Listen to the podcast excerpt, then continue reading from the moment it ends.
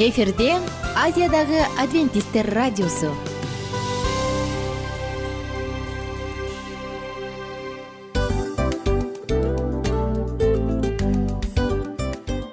Достор салют.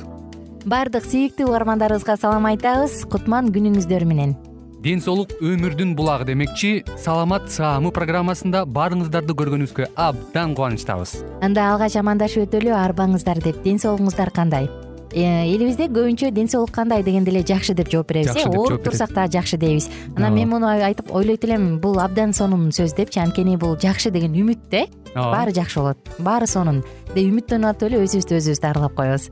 Анысы кандай? Сиздин дагы ден соолугуңуз жакшы беш деген үмүттөбүз чындыгында ден соолук бул өмүрдүн булагы деп бекеринен айтылган эмес деп ойлойм. Кыргыз элинде анткени эгерде ден соолук жок болсо анда адамдын жашоосунда калган баардык керектүү маңыздуу нерселер өзүнүн баалуулугун жоготуп коет. Ошондуктан ден соолук бул эң керектүү нерсе. Ооба туура айтасың кесиптешим. Чынында ден соолугуң жок бир эки үч күн ооруп калсаң эле э кандай болуп калат? Жашоодо көз каранды болуп каласың көп нерсеге жетишпей каласың көп нерсени кыла албай каласың жада калса эшикке дүкөнгө да чыга албай каласың. Туптуура анан ден соолук болсо демек биз биздин бактыбыз тотой деп койсок болот.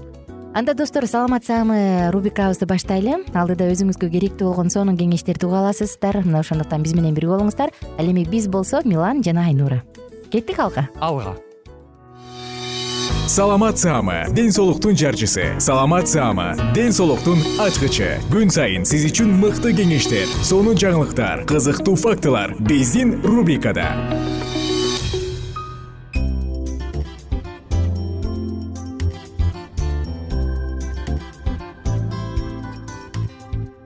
салам достор. Биздин сүйүктүү угармандарыбызга ысык салам айтабыз. Жана жогоруда убада кылгандай эле достор сиздер менен биз бүгүн таттуу сергитүүчү суусундуктар жөнүндө сөз кылабыз. Мүмкүн ооба алар чын эле сергитет. Алар адамга ушундай бир жаңылыкты жеңилдикти тартуулар. Бирок алар пайдалуубу? Мына ушул жөнүндө бүгүн сөз кылалы сиз тыңдап жаткан саламат саама рубрикасы жана кызматта кызыңыздар мен айнура. Достор саламат саама дегенде эле албетте ар бирибиз ден соолугубуздун ар тарабын ойлойбуз бул туура жана ден соолуктун көп пайызы биздин тамактанган образыбыздан дагы көз каранды. Мына ошондуктан бул циклде пайдалуу суусундуктар деп атылып аталып сиздер менен пайдалуу кандай суусундуктар бар? Кайсы суусундуктар зыян? Мына ушул жөнүндө сөз кылып атабыз. А бүгүнкү тема таттуу сергитүүчү суусундуктарга арналды негизи мындай таттуу анан сергитүүчү суусундуктардын негизи соода же таттуу газдалган суусундуктар негиз болуп алынат э баарыбызга билгендей. Алар болсо чакмакташылган же рафинделген кумшекер сахардан кукуруза сиробунан жүгөрүнүн сиробунан ал бул болсо жүгөрүнүн сиробу фруктозага абдан бай ошондой эле жасалма боегучтардан боектордон экстракт жана көмүр кычкылтек газынан турат. Дагы бир жолу караңыздарчы мындай соода же таттуу газдалган суусундуктардын негизинде рафинелешилген чакмакташылган сахар жүгөрүнүн сиропу фруктозага бай болгон жасалма боегучтар экстракт жана көмүр кычкыл газы бар. Мындай суусундуктарды дайыма ичүү адамды жагымсыз натыйжаларга алып келет. Кандай? Диабет оорусуна семирүүгө бөйрөктүн оорусуна эгерде сиз көбүрөөк коланы пайдалана турган болсоңуз жана сөөктөрдүн минералдык плотность деп коет эмеспи? Алар жакшы болбой калат. Жана остеопорозго алып келет экен промингем изилдөөлөрүнүн негизинде алар мындай дейт. Аялдар эгерде э, күнүнө көбүрөөк кола иче турган болсо кола ичпеген аялдардыкына караганда сөөгү беш бүтүн ондон төрт пайыз морт келет дейт. Караңыздарчы бул чоң эле көрсөткүч э өзгөчө бул бир айда бир порция эле кола ичкен аялдарда. Бир айда бир эле порция а бизде болсо тилекке каршы коланы күнүнө эки үч стакандап ичкен айымдар адамдар бар э. Негизи эле мырзаларбы айымдарбы караңыздарчы сөөктү канчалык деңгээлде морт кылат. Дагы да айта кетчү нерсе ушул эле таттуу сергитүүчү суусундуктарды көп колдонуу ден соолукка абдан зыян. Анын ордуна сергитүүчү таттуу бирок зыян эмес суусундуктар көп. Мурунку уктурууларыбызда биз айтканбыз э жасалма эмес. Табигый таттууларды кошуп жасап ичсе болот деп. Мына дал ушул суусундуктарды ичсе болот ушуна ошондуктан фанта кола сыяктуу пепси жана башка газдалган таттуу боектор кошулган суусундуктарды ичпеңиздер деп айтмакчыбыз. Дагы бир изилдөөнү айталы газдалган суусундуктар курамында кумшекер камтылса ал адамдын картаюусун өтө тездетет. Калифорния университетинин окумуштуулары америка кошмо штаттарында беш миң үч жүз тогуз адам катышкан изилдөө жүргүзүшөт анан ал адамдар дайыма изгүлтүксүз регулярдуу түрдө газдалган суусундуктарды ичип турушчу. Ал газдардан газдалган суусундуктардын курамында кум шекер бар болчу. Анын натыйжасында мындай суусундуктар адамдын днксын өзгөртүп адамды эрте картайтат экен деген натыйжага келишкен достор. Караңыздарчы. Жана ошондой эле дагы да биз айта турган болсок адам канчалык эрте картая турган болсо адамдын клеткаларында канчалык өзгөрүү бар болсо демек анда дегенеративдик оорулар пайда болот. Бул диабет жүрөк оорусу жана рак сыяктуу.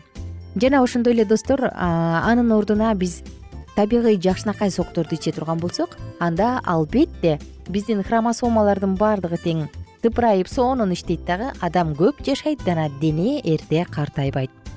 Мына ушундай достор бүгүн сиздер менен кола фанта спрайт жана башка газдалган суусундуктар ар кандай краситель боектор кошулган суусундуктар канчалык деңгээлде канчалык деңгээлде зыяндуу экенин айтып өттүк. Дагы да карасак бир изилдөөнү айта кетейин окумуштуулар дал ушундай алты жүз алты жүз сексен граммдан ашык таттуу суусундук ичкен киши жүрөк жана бир катар оорулардан көз жумуу тобокелдигине кабылат деп дагы жакынкы араларда изилдеп чыгышкан бул эки миң он сегизинчи жылы болгон. Эгерде курамында ушундай кант бар боло турган болсо анда бул коркунучтуу мындай жыйынтык алты жыл бою үзгүлтүксүз изилдөө жүргүзүп келген америкалык окумуштуулар тарабынан жарыяланган. Алар он сегиз миңге чукул кишинин ден соолугуна пайда жүргүзүп байкоо жүргүзүп анан изилдөө жыйынтыгын айтышкан.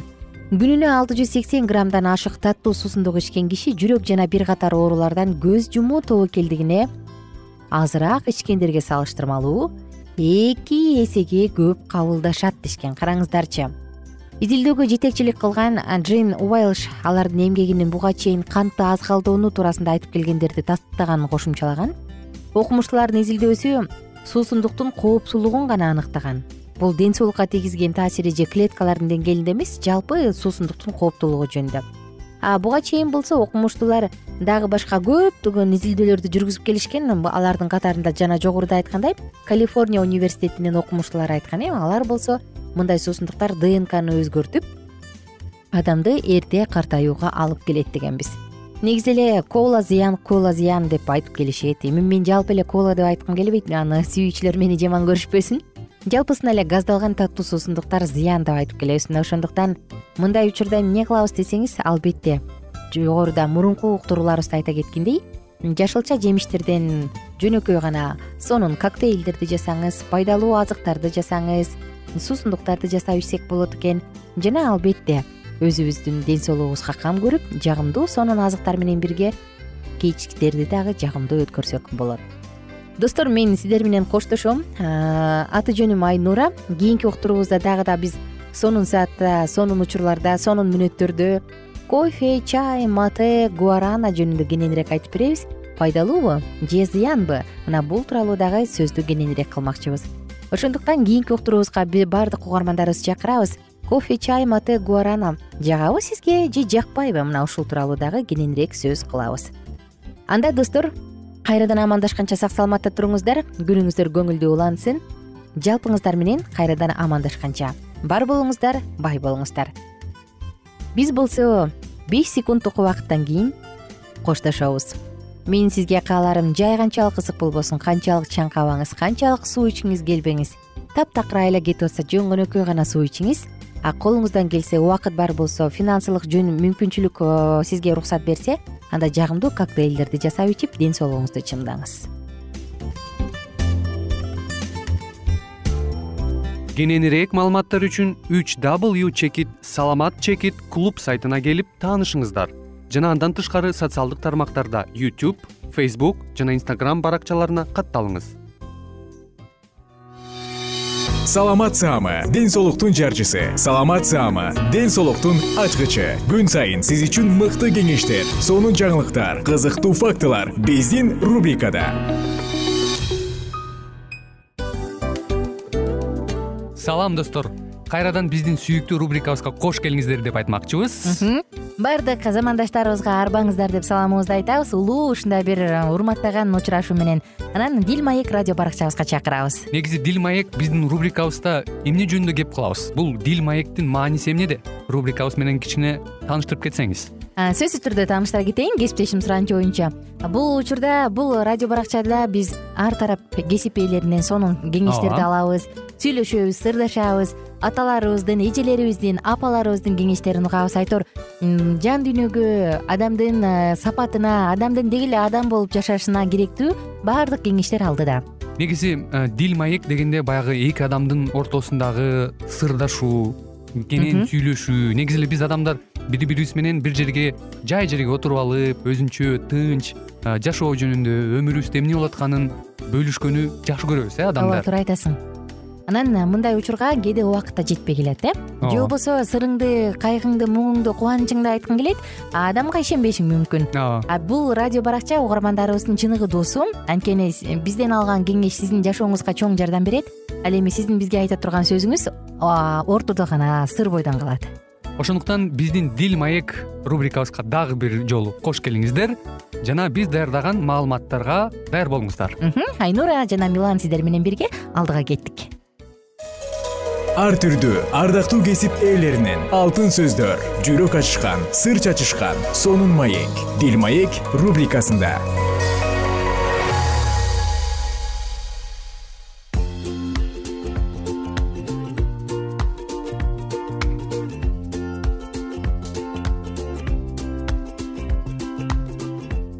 салам достор. Кандайсыздар угармандар? Биздин кадырлуу замандаштарыбыз менен амандашып бүгүнкү темабызды жаңырталы. Кичинекей жардамчылар. Ах жардамчы дегенде тим эле кубанабыз э? Өзгөчө айттырбай кылганды билген жардамчылар болсо анда бул биздин чоң кубанычыбыз. Кымбаттуу достор дил маек радио баракчасынын алкагында бактылуу үй бүлө деп аталган циклды улантабыз жана бүгүнкү темабыз кичинекей жардамчылар. Жумуш бизди үч улуу кыйынчылыктан сактайт. Зериккендиктен жаман жүрүм турумдан жана муктаждыктан деп вольтер айткан. Абдан сонун сөз бекен макул болот болушуңуз керек. Балдарды мындай окуткула. Алар үй бүлөнүн толук укуктуу мүчөлөрү жана ошондуктан өз үйүндөгү өзүнүн жоопкерчиликтүү милдетин чечкиндүүлүк менен алып барышсын.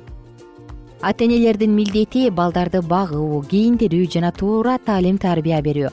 Алар үчүн камкордук көрүү ал эми балдардыкы болсо чын ыкластан берилгендик. Менен ата энелерине жардам берүү. Үй тиричилигиндеги кичинекей бир бөлүгүн аткаруу жана үй бүлөгө бактылуулук алып келүү болуп саналат. Ата энелерге жардам берүү менен. Балдар берилген анча чоң эмес иштерин аткаруу менен атасына жана апасына жардам берүүнү билиши керек. Балдарга кандайдыр бир жумуш дайындап ал ишти алар үчүн аткарып коюусун өтүнгүлө. Андан кийин аларга бул ишти аткарып бүткөндөн кийин ойнойсуңар деп кубаттап койгула балдардын аң сезими тирүү жана аларды тартиптүүлүккө жана жоопкерчиликке үйрөтүү керек. Аларды өздөрүнүн каалаган гана нерселерин аткарууга жол берүүнүн кереги жок. Ата энелер балдарынын кылып жаткандыктарын дагы текшерип туруулары зарыл. Эгерде балдар ата энелерге жардам берүүнү каалабаса анда аларга эгерде биз силердин муктаждыгыңарды чечип бербей силер үчүн камкордук көрүүбүздү токтотуп кое турган болсок жакшы болобу деп сурагыла өздөрүнө берилген ата энелердин эмгегин жеңилдетүүчү жоопкерчиликтерден баш тартуу менен мейли бул өтө мааниси жок иш болсо дагы балдар келечекте жыйындын пайда келтире турган мүчөлөрү болуудан калып өздөрү үчүн өтө пайдалуу таалим тарбия алуу мүмкүнчүлүгүн колдон чыгарышат. Эми милдеттенмелер жөнүндө сөз кылсак. Ата энелер балдары үчүн баардыгына барып алардын бейгам шалаагы болуп өсүүсүнө жана үй тиричилик иштерине жана камылгаларына убакыт бөлүштүрбөй коюусуна жол берип аларга керектүү нерселер үчүн өздөрүн курмандыкка салуулары керек эмес.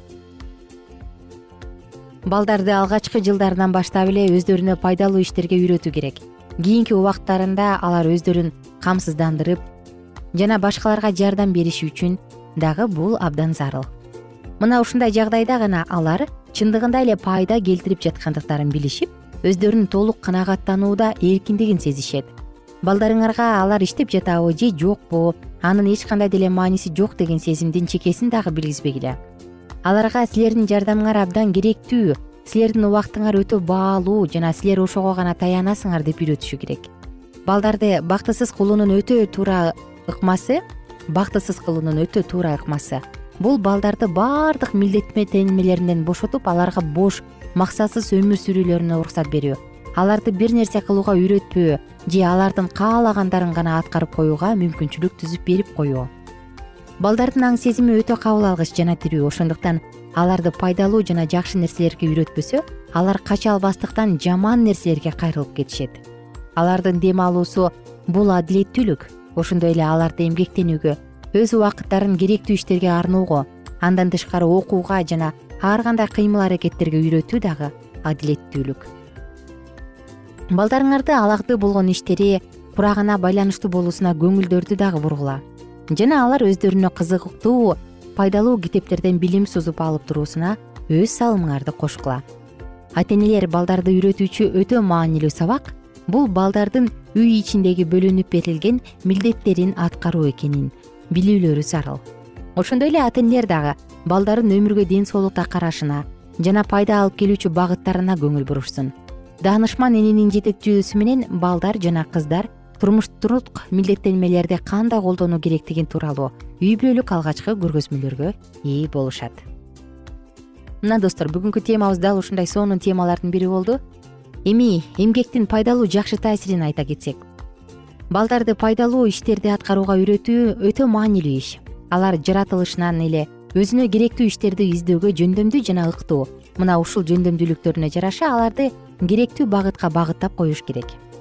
Алгачкы жылдарда аларды күндө керектелүүчү жөнөкөй милдеттенмелерди аткарууга үйрөтүп ар бир балага өзүнчө бир мерчемдүү иш дайындап ошол ишке жоопкерчиликтүү экендигин билдиргиле. Эгерде алардын убактыларын көпчүлүк бөлүгүн пайдалуу иштерди аткарууга жумшоого үйрөтсөңөр алар эмгектенүүгө үйрөнүшүп бактылуу болушат алар өтө жандуулук менен силердин берген тапшырмаларыңарды аткаргандан кийин өздөрүнүн көңүл ачуулары тууралуу ырахат алышат. Эмгек денени чыйралтып акыл эсти бекемдейт өздөрүнө берилген тапшырмаларды аткаруу менен балдар аң сезимин өстүрүшөт. Андан тышкары мүнөздөрүн бекемдегин тарбияланышын ар бир ишти тез арада аткарып коюуну үйрөнүшүп көздөрү каниктене баштайт. Ар күн өзүнүн алмашуусу менен кичинекей милдеттенмелерди ойгонууну тактыкты жана аракеттүү аракеттенүү негизин талап кылат. Качан балдар чоңое башташканда алардан чоңураак иштерди талап кылууга болот. Эмгек аларды кайгыга салуучу алын кетирип жүдөтүүчү жана узакка чейин созулбашы керек. Бериле турган жумушту кылдаттык менен балдардын саламаттыгына жана акыл эсинин күчтүү болушуна андан тышкары мүнөздөрүнө бирдей келише тургандай кылып тандашы керек.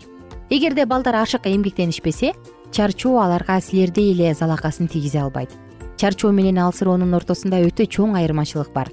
Балдарга чоң кишилерге караганда көбүрөөк жумуштарын алмаштырып жана дем алып туруусу керек. Бирок алар алгачкы жылдарынан баштап эле жумуш кылууга үйрөнө алышат жана алар кубаныч менен жакшы иштерге киреше алып келишкендигин моюнга алышат. Ийгиликтүү иш күнүн аяктагандан кийин таттуу уйкунун аркасында алар кийинки күнү эмгектенүүлөрүнө өз күчтөрүн топтоп калыбына келтиришет. Мына ушундай достор чындыгында баланы эмгекке үйрөтүү бул ата энеден абдан чоң көз каранды. Э кээ бир үй бүлөлөрдө бала өзүнөн тубаса эле эмгекчил болот.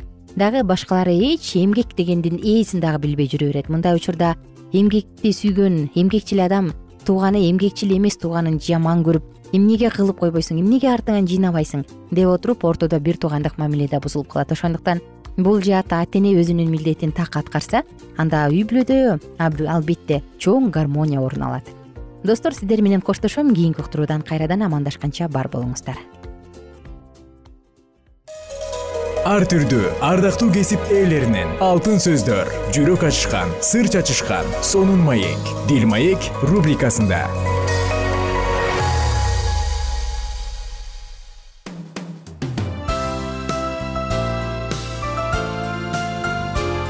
Эфирде азиядагы адвентисттер радиосу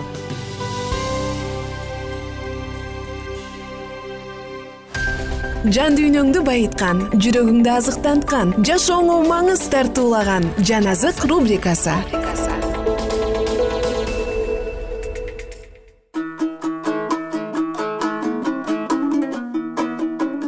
Салам достор. Жалпы биздин сүйүктүү угармандарыбызга кайрадан ысык салам айтып сиздер менен бирге жан азык рубрикасын баштадык. Жана бүгүнкү учурда дагы инжил китебинен лука жазган жакшы кабардан окуп өтөбүз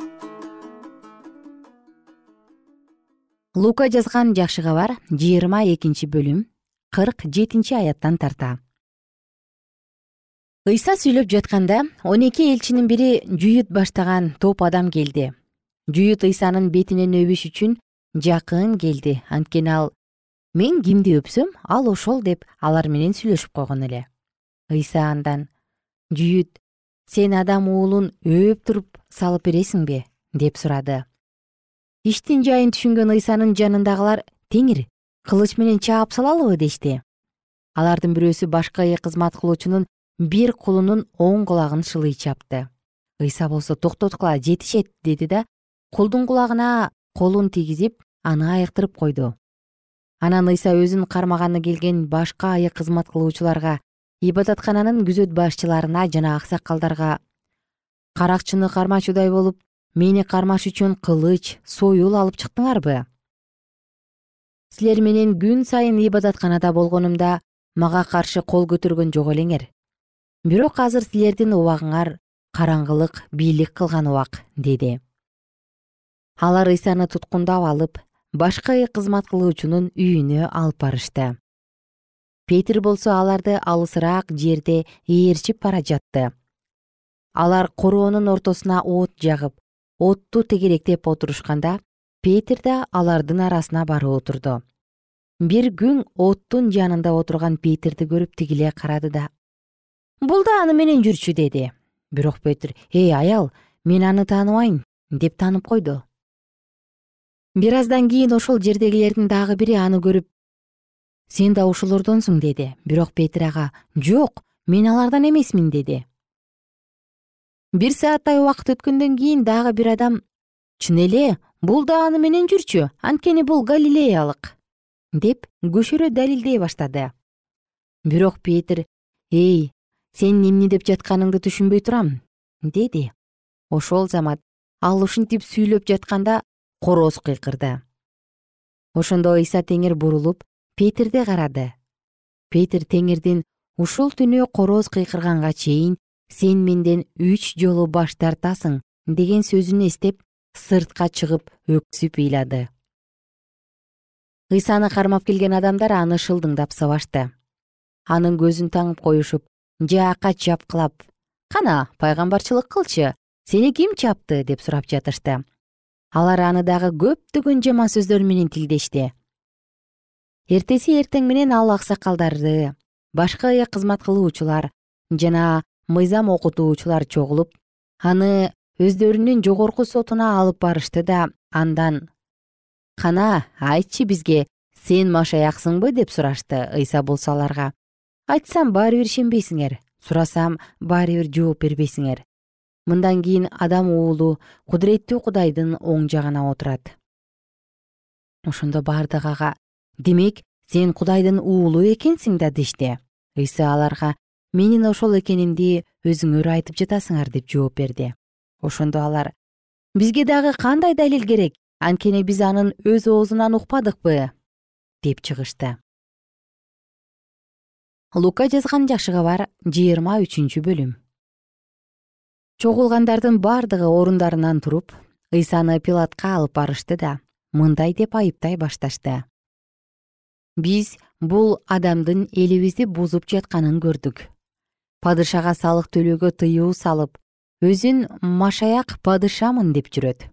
Ошондо пилат ыйсадан сен жүйүттөрдүн падышасысыңбы деп сурады ыйса ага өзүң айтып жатасың деп жооп берди. Пилат башка кызмат кылуучуларга чогулган эле. Мен бул адамдан эч кандай күнөө тапкан жокмун деди.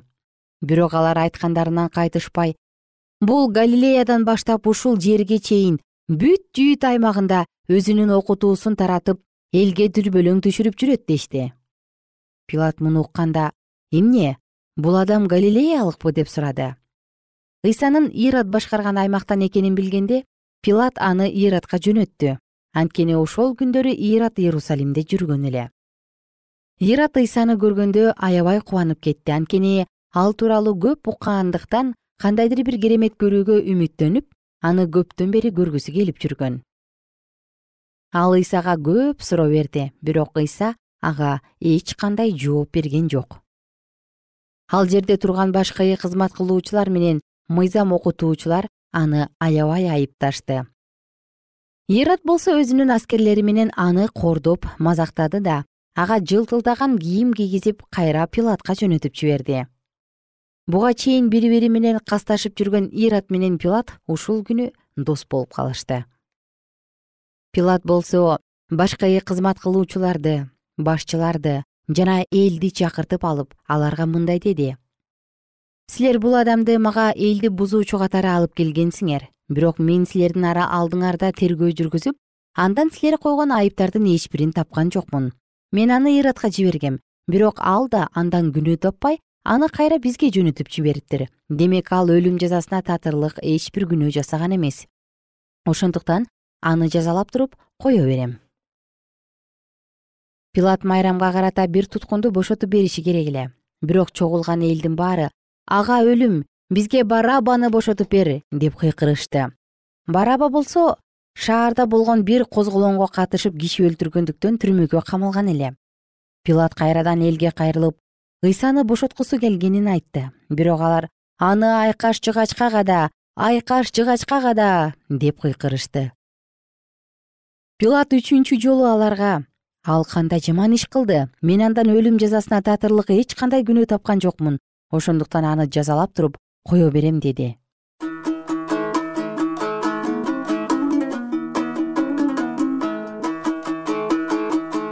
ардактуу достор биз сиздер менен кайрадан кийинки уктуруудан амандашабыз. Ага чейин жалпыңыздарга көңүлдүү күн кааламакчымын. Чындыгында бул окуя тарыхта адамзаттын тарыхын өзгөртүүчү эң чоң эң зор окуя. Ыйса машаяктын өлүмү бир гана ошол учурдагы адамдар үчүн эмес. Бүгүнкү күндөгү ар бир жашоо жашап жаткан ар бир планетанын тургунунун түбөлүк өмүргө ээ болушу үчүн болгон. Күнүңүздөр көңүлдүү улансын кайрадан амандашканча эгер сиздерде суроолор болсо же көбүрөөк маалымат билем десеңиз анда биздин whatsapp номерибизге жазыңыз. Плюс бир үч жүз бир жети жүз алтымыш алтымыш жетимиш. Кайрадан плюс бир үч жүз бир жети жүз алтымыш алтымыш жетимиш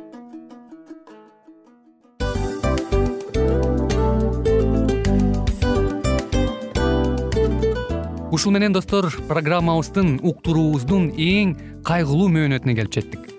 Кайгылуу дегенде ыйлагым келип кетти кесиптеш. Кадимкидей. Анткени баягы учурашасың анан коштошуу учур келгенде ии кантип ии эми бат баттан келиптир э сагындырбай деп атып араң коштошобуз го. Анысы кандай? Угармандарыбыз менен коштошчу учур келди. Кийинки уктурууларды сагыныч менен жүрөгүбүздө кусалык менен күтөбүз жалпыңыздарды анан жарым сааттык уктуруу көз ачып жумганча өтүп кетти сөзсүз. Бирок бизде жакшы кабар бар. Кийинки уктурууларыбызда сөзсүз дагы кезигишебиз. Анткени биз көптөгөн сюрприздерди кызыктуу маалыматтарды жана керектүү керектүү нерселердин көпүнчөсүн даярдадык. Андай угармандарыбыздын баардыгына ийгиликтүү күн каалайбыз эгерде бүгүнкү күнүңүз өзгөчө э, өтүшүн кааласаңыз анда позитивдүү ой жүгүртүп жылмайып жакындарыңызга жакшы маанай тартуулап жүрө бериңиз анткени сөзсүз түрдө мунун арты кайтат э?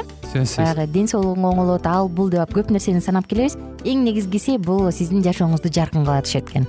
Жараткан кудай ар бирөөңүздөргө батасын берсин жашооңуз ийгиликтүү болсун сак саламатта калыңыздар деп мен милан жана кесиптешим айнура. Баардыгыңыздар менен кийинки уктурууда үн алышканча. Баарыңыздарга ийгилик каалайбыз